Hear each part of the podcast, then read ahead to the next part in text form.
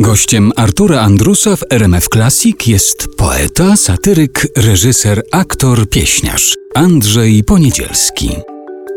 W innej swojej piosence zadajesz pytanie i o czym tu śpiewać, gdy ptaki i drzewa od lat to robią i lepiej. Oczywiście ciśnie mi się na usta ulubione pytanie każdego artysty, skąd pan czerpie pomysły, ale ja je e, zadam może w inny sposób trochę. Skąd pan się stara nie czerpać pomysłów do, do piosenek? Może tak? I w ogóle mm, rozszerzmy to pytanie i o czym tu śpiewać? Czy jest o czym śpiewać? Czy miałeś taki moment, e, w którym pomyślałeś sobie, że e, już nie ma o czym śpiewać? No miałem parę. Bardzo dojmująco to dziś odczuwam, że rzeczywiście nie bardzo jest o czym śpiewać, bo jak ci wiadomo, bo sam to robisz, mm, nasze działanie polegające na pisaniu piosenek czy jakichś tam pleciu różnych scenicznych polega na odniesieniu się, ale w sposób abstrakcyjny, jakby taki impresjonistyczny do miłościwie panującej rzeczywistości. A jak rzeczywistość się nam robi abstrakcją, no to jak to zrobić? Jak się odnieść? Jaką impresję można z tego zrobić? Także rzeczywiście teraz jestem w takim dość, bym powiedział, kłopotliwym momencie, bo to pytanie, o czym tu śpiewać, czyli rozumiane, o czym pisać w ogóle i co, co robić, nie jest takie łatwe i proste.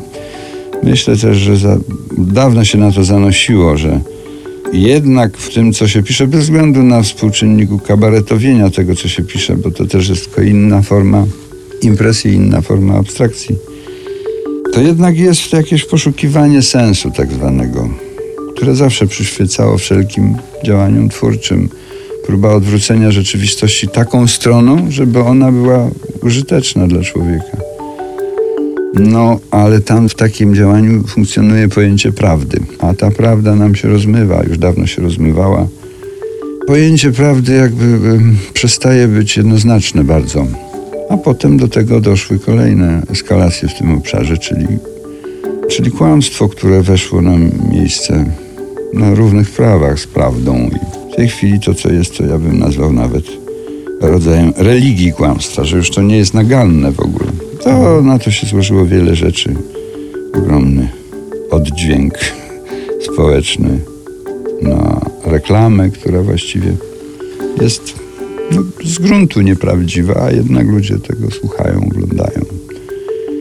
I, tak to jest, także przepraszam, że tak spoważniałem nie, ale... i spaźnie, spaździerniczałem, ale rzeczywiście w takim jestem momencie, że no trochę czuję się jakby mi wyszarpnięto układ współrzędnych spod nóg i nie, w tej epoce się nie, nie znajduję za, za dobrze.